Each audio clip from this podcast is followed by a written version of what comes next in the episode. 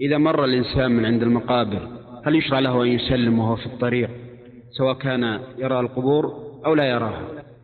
أما إذا كان يراها فقد ذكر الفقهاء رحمهم الله أن المار بها كالواقف يعني يسلم ويدعو.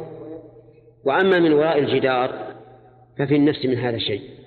قد يقال ما دامت هذا الجدار سورا على هذه المقبرة فإنه يسلم عليه وقد يقال إنه لا يسلم لأنه لا يرى قبوره. لكن في مثل هذه الحال لو دعا دعاء عاما لا على أنه دعاء الزيارة فهذا حسن.